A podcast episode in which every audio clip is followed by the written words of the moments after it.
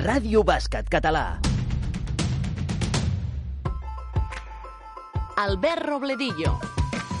Benvinguts a l'últim programa de la temporada de Ràdio Bàsquet Català, programa número 31. Com cada setmana us acompanyarem la propera mitja hora amb entrevistes, amb reportatges, amb actualitat, tot sobre l'esport de la cistella en el nostre país. Esteu preparats? Ràdio Bàsquet Català, programa número 31, entre sumari. Xavi Ballesteros. I començarem el programa amb un cara a cara entre els protagonistes de les dues grans semifinals de la Copa Catalunya. Ho farà amb Juli Garrote del Vic i Darío Naharro del Buet Mataró. I en la segona semifinal, un cara a cara entre Antonio Ruiz del Sant Josep i Marc Palau del Roser. En els nostres clubs marxarem fins a Lleida per conèixer de ben a prop un històric com és el Club Bàsquet Balaguer. En la veu de l'àrbitre José Antonio Martín Bertran ens parlarà de la possessió. En l'efemèride, Lluís Puyalto ens parlarà del bàsquet en el Mundo Deportivo des del 1912 al 1926. I tancarem el programa amb la gran experiència d'Enric Campos, la persona que va inventar el primer campus de l'estat espanyol i ara president del Creu Alta Sabadell.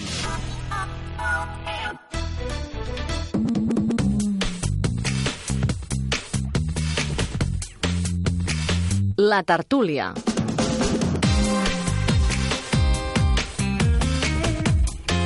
Aquest proper cap de setmana es disputarà la final a 4 de la Copa Catalunya. El Vic i el Mataró per Goet lluitaran per una plaça a la final i per aconseguir l'ascens a EVA, ja que els dos finalistes són els que pugen de categoria. La segona semifinal la disputaran el Sant Josep i el Roser. Però comencem amb el primer duel entre el Vic i el Mataró i ja tenim en línia Juli Garrote, jugador del Vic, i també tenim a Darío Naharro, jugador del Mataró per Goet. Benvingut a Ràdio Bàsquet Català. Moltes gràcies.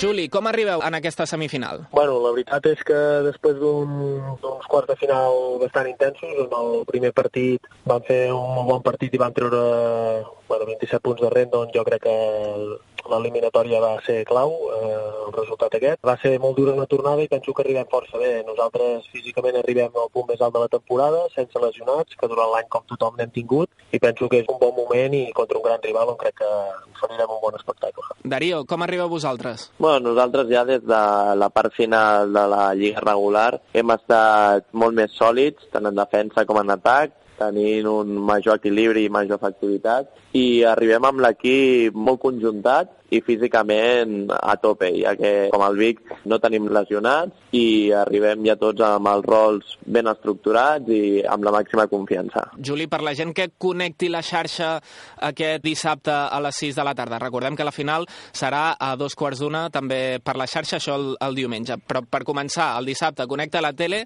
i es posa a veure el Vic. Quin tipus d'equip veurà? Jo crec que es, podrà veure un molt bon partit. Crec que som dos equips molt similars, individualitzant una mica més amb el Vic, doncs som un equip que ens agrada molt jugar a bàsquet ofensiu, sí que no vol dir que ens deixem a darrere, intentem defensar, crec que vam acabar la Lliga doncs, amb una molt bona defensa, estan molt sòlids també darrere, però penso que nosaltres prioritzem més el joc ofensiu. Tenim jugadors, hem acabat en partits amb 6-7 jugadors amb més de 10 punts i que bueno, no només és un jugador o dos o tres, sinó que són diversos jugadors que podem fer mal i jo crec que es podrà oferir un bon espectacle. Darío, i sense destapar gaires cartes, eh, perquè tens el rival escoltant-te Sí. amb atenció. Uh, quin tipus d'equip sou vosaltres, en el cas del Mataró per Boet? Bueno, nosaltres som un equip molt similar també al Vic. Ens agraden molt els marcadors alts, amb un joc molt elèctric, molt ràpid, de molt exterior, tirar molt de fora, però últimament doncs, intentem millorar eh, l'equilibri interior-exterior, no? I estem arribant en aquest punt que crec que és el que ens està donant més solidesa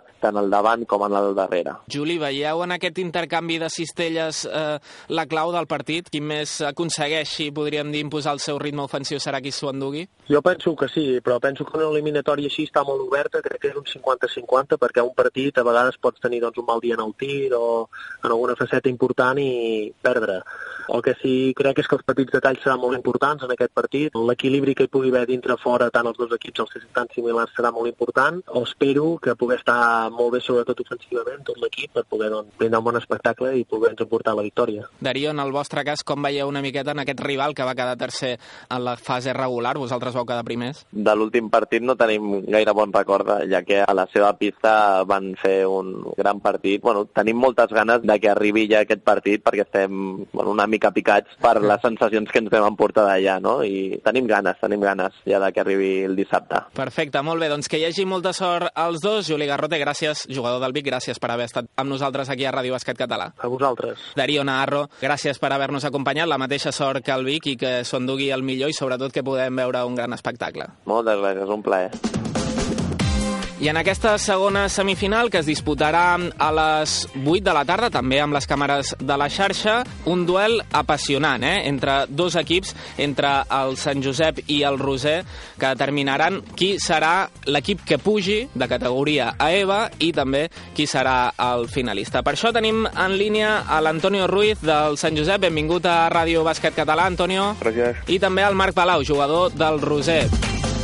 Per començar, Antonio, explica'm com arribeu després d'aquestes apassionants fases intermitges que hem tingut de classificació per la final a 4. Nosaltres ja gairebé no tenim problemes per afrontar aquesta final a 4 perquè vam tenir una mica una baixada a final de temporada. Hem pogut remuntar psicològicament aquest desavantatge que teníem. Hem pogut concentrar-nos en el nostre treball, que és jugar en equip, és jugar alegre, sense pressió, fent el que puguem. El que volem nosaltres és arribar al màxim possible i, i jugar tots junts, si on sigui, tenint en compte d'on venim, com diu el nostre vista, arribar on puguem. Marc, vosaltres com arribeu també en aquesta semifinal? No sé si us sentiu un pèl més favorit o això ja no té res a veure en unes fases finals com aquestes? Primer de tot, jo crec que en unes fases així no hi ha cap tipus de favorit. Som els millors quatre equips de Catalunya, ens guanyat, i a partir d'aquí doncs es veurà. Pel que fa com arribem nosaltres, portem ja molts partits que portem seguits guanyats, eh, arribem a una molt bona dinàmica, jo crec un molt bon quarts de finals contra Sant Cugat, tant a casa seva com a casa nostra, demostrant que som un equip això que podem donar un joc molt vistós, molt alegre també, amb atacs molt ràpids i bé, crec que arribem a un molt bon moment, en el millor de la temporada, que ho hem demostrat, que millor que acabar de culminar amb, amb aquesta final a 4, no? Antonio, vosaltres sou un equip jove. No sé si en això de no tenir pressió, d'intentar jugar això més alegre i de jugar junts, està la vostra gran fortalesa.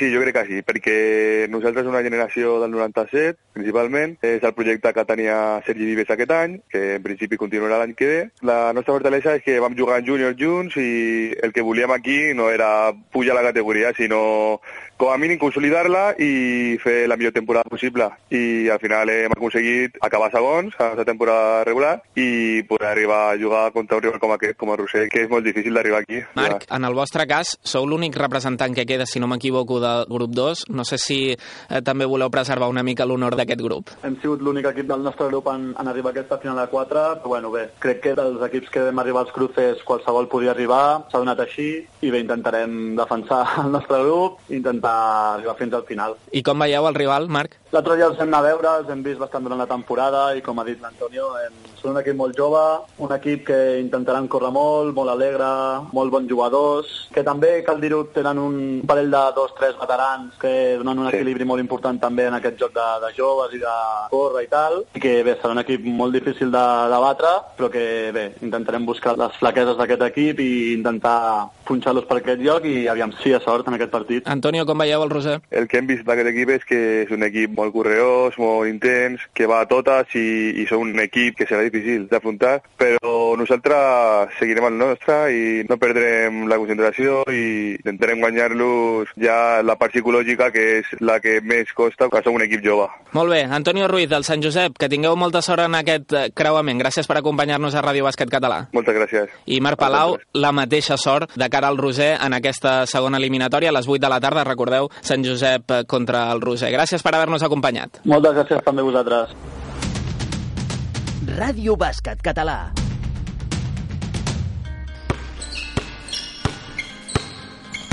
Els nostres clubs. Sergi Llurba, director tècnic del Club Bàsquet Balaguer. El club, els seus inicis són aproximadament a l'any 1936, quan un germà escolapi va introduir el bàsquet aquí a la ciutat. Per tant, diguem que som un dels clubs més antics de la província de Lleida, perquè tenim uns 81 anys d'història, i la veritat que el club sempre ha anat associat el seu nom a diferents patrocinadors que ha anat tenint. No? Diguem, a principis deia Club Atlético Recreativo, després va passar a anomenar-se Club Baloncesto d'Axa, Club Baloncesto Àguiles de Balaguer, l'any 1971, que és quan construeixen el poliesportiu que tenim en l'actualitat aquí a la ciutat. Després passa a denominar-se Club Baloncesto Impaxa, fins al nom actual, que és Club Bàsquet Balaguer. Però diguem que sempre ha sigut el mateix nom que agafava, diguem, el, el cognom del patrocinador. Un moment clau en la vostra història? Bueno, diferents moments de la història han sigut importants, però sí que el tancament de l'empresa Impaxa, que era un puntal de la ciutat, va suposar un canvi i passar a la constitució, diguem, del club actual com a Club Bàsquet Balaguer amb denominació en català i amb la història que vam començar a escriure a partir d'aquell moment. Quina és la salut actual de l'entitat? Bueno, actualment nosaltres contem amb 18 equips, amb la categoria masculina i femenina, diguem que plena en totes les seves categories, i uns 200 jugadors. Per tant, diguem que la salut del club està en un dels millors punts de la seva història. Però com tots els clubs, sempre existeix alguna dificultat? La Noguera és la comarca més extensa de Catalunya i les distàncies són força llargues, no? Per tant, el fet de construir equips és difícil perquè si no són del mateix municipi costa portar gent d'altres poblets per les mateixes distàncies. I després el fet de que hi ha molta competència a nivell esportiu a la ciutat, com viuen moltíssims esports, anar construint els equips és complicat,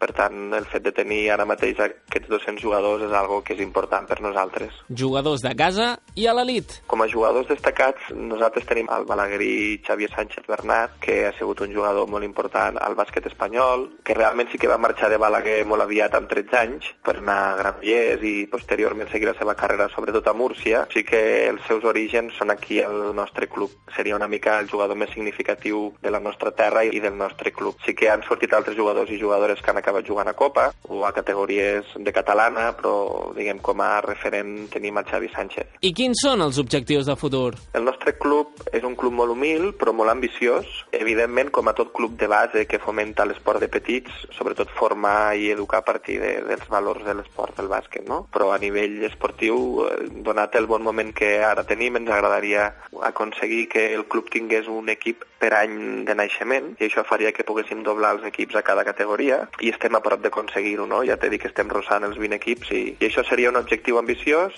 i el fet que tinguem molts jugadors a la base que poguéssim nodrir els primers equips del club amb jugadors de casa, no? Que ara mateix en el cas del sènior masculí hi ha molts jugadors que sí que són de Balaguer, però en el cas del sènior femení, on esport femení sempre costa més tirar endavant, hi ha moltes jugadores que no són de casa o que són de casa, diguem, perquè s'estimen el club però no provenen de la nostra base. Per tant, treballar aquesta base per nodrir els nostres primers equips seria l'objectiu més ambiciós i amb més il·lusió que estem treballant actualment. I ara visitem una veu autoritzada de l'arbitratge. La veu de l'àrbitre. José Antonio Martín Beltrán, àrbitre ACB.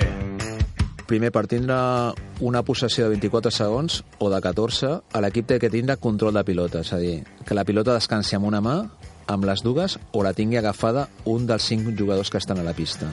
Aquí començaria un atac de 24 segons en el moment que tenen 24 segons per llançar cistella o aconseguir una cistella. Llavors, en el moment que llencen la cistella i toca l'aro, sigui per llançament o per un passe, en el moment que toca l'aro, aquell equip, si torna a recuperar la pilota, té 14 de possessió. Bàsicament seria això. Quan s'esgota, s'esgota si aquell equip no llença en 24 segons, si sona la bocina amb l'aire, si entra la cistella és vàlida, i si sona la bocina en l'aire i no toca la cistella, l'agafa l'equip defensor, continuaríem el joc. Si l'agafés a l'equip atacant, seria violació de 24 segons. Un supòsit, per exemple, estem en atac i portem 22 segons, hi ha una falta en atac, tornaríem a tindre 22 segons amb atac. Només es tornaria a 24 segons en pista defensiva. Si la falta és per sota de 14, hi ha un atac en la pista d'atac, tornaríem a 14. És a dir, per sota 14 tornaríem al crono a 14, per sobre de 14 deixaríem els segons que queden per possessió. En pista defensiva serien 24.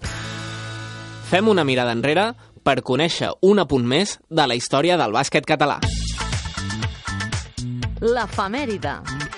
Lluís Puyalto, responsable de l'Arxiu del Bàsquet Català. La presència al Mundo Deportivo arriba abans de que nosaltres comencem a practicar el bàsquet. Podríem dir que a la premsa esportiva, en general, hi ha un procés de, de coneixement d'aquest esport. No? En principi, el que trobem són presentacions del lloc del bàsquet, com podria ser a la revista Los Deportes, on apareix a 1902 una mena de diccionari dels diferents esports i apareix la paraula bàsquet. També tindrien a la revista il·lustrada eh, diferents articles articles que recullen diferents conferències de personatges com l'Elias Juncosa, el García Alsina, Manuel Nogareda, i en relacionat amb l'esport que presenta el bàsquet com una eina adequada, i diem, per les persones, per la seva formació. En relació al Mundo Deportivo, també tindrien que abans de que nosaltres participéssim d'aquest lloc, eh, sorgeixen diferents articles de bàsquet. És molt curiós com hi ha un apartat durant un període de temps en 1915 i 16 on es parla de bàsquet dintre d'un apartat que és Cuba i ressorgeix tota la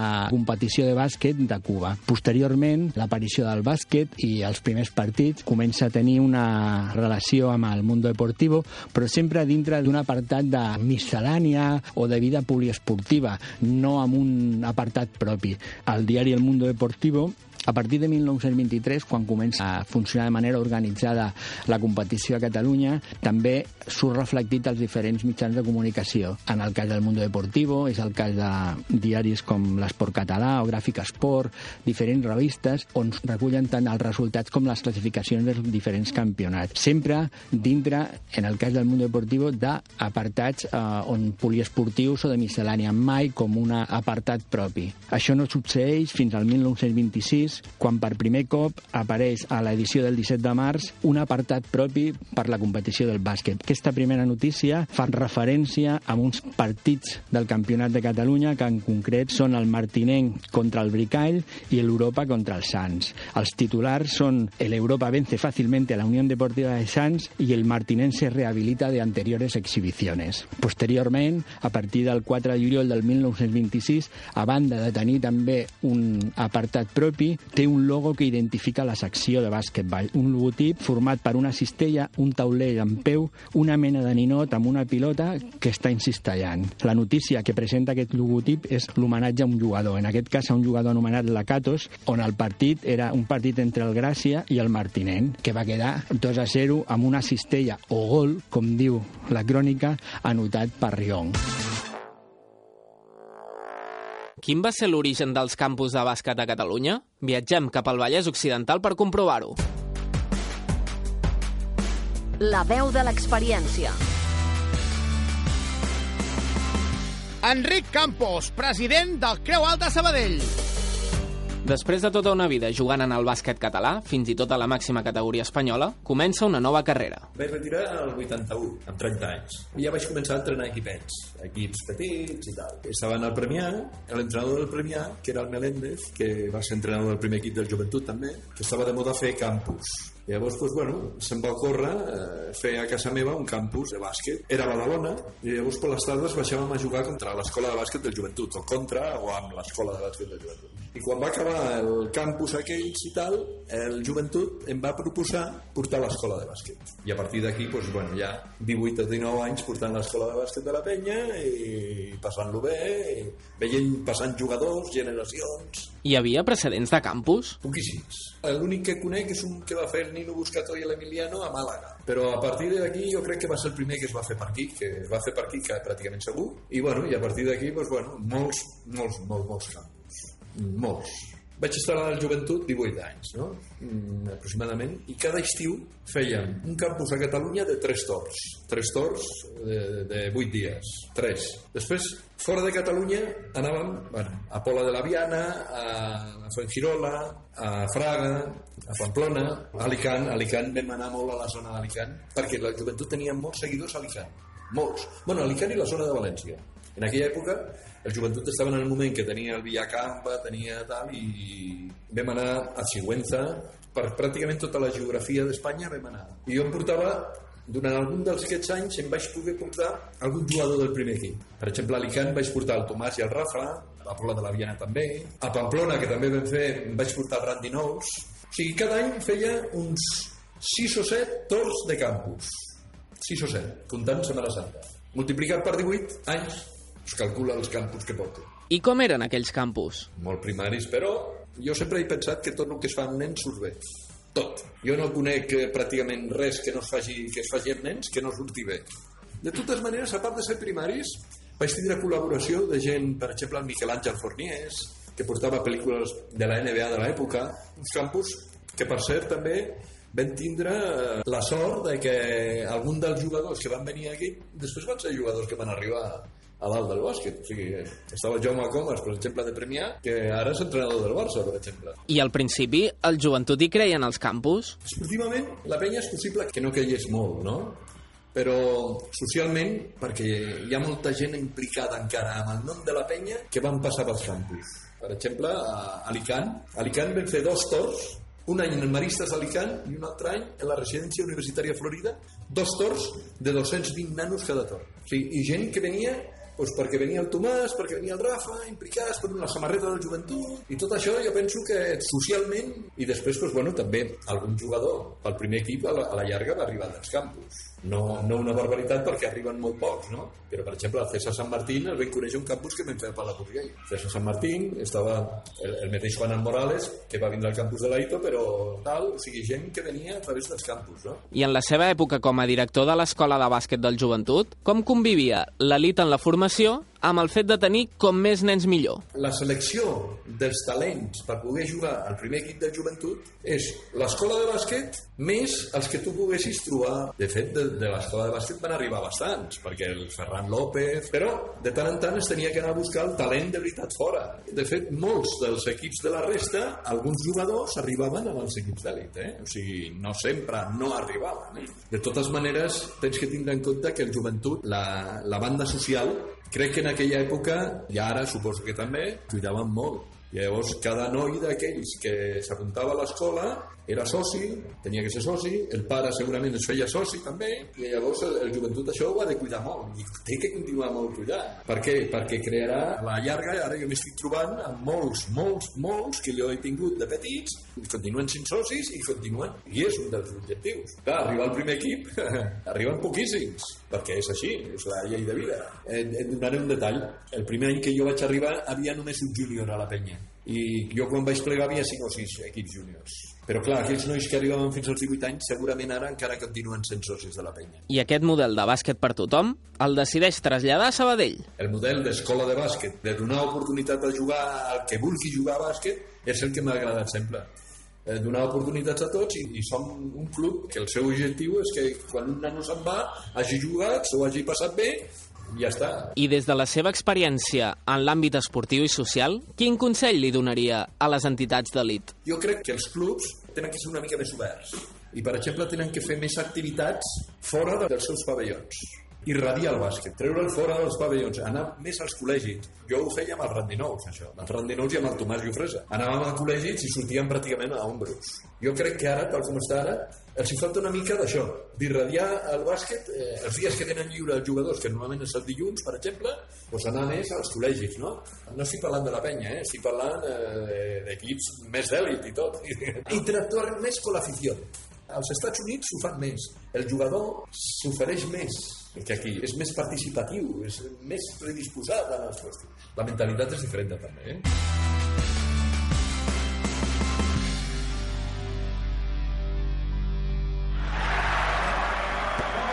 L'última possessió. Trobada final, Escoles de Bàsquet de Barcelona. Aquest diumenge, la Federació Catalana de Bàsquet organitzarà durant tot el matí la tradicional trobada final d'escoles de bàsquet de Barcelona, que enguany tindrà lloc a les instal·lacions de l'Escola Pia Sarrià de Barcelona. Cap de setmana carregats de fases finals. Des de la final a 4 de la Copa Catalunya masculina de Salou a les finals a 4 del Campionat de Catalunya Infantil Masculí Femení de Castellà del Vallès i Sant Cugat del Vallès, passant per les fases finals dels campionats de primera, segona i tercera categoria. Tota la informació al web basquetcatalà.cat. I ja queda menys per la gran festa del bàsquet català. I el proper dissabte 1 de juliol a la Sala Luz de Gas de Barcelona amb la Festa del Bàsquet Català 2017, oberta a tothom i d'accés gratuït. Les inscripcions s'obriran properament a basquetcatalà.cat. Ràdio Bàsquet Català. I fins aquí el programa número 31, l'últim de la temporada de Ràdio Bàsquet Català. Rebeu una cordial salutació del Jordi Abril des del control tècnic, de l'Helena Naya, el Javi Peleta, la Laura Ramos des de la producció, Ràdio Bàsquet Català. del Xavi Ballesteros des de la direcció de qui us ha parlat, l'Albert Robledillo. Entre tots, us desitgem que tingueu un bon estiu ple de bàsquet. Una coproducció de Badalona Comunicació i la Federació Catalana de Bàsquet.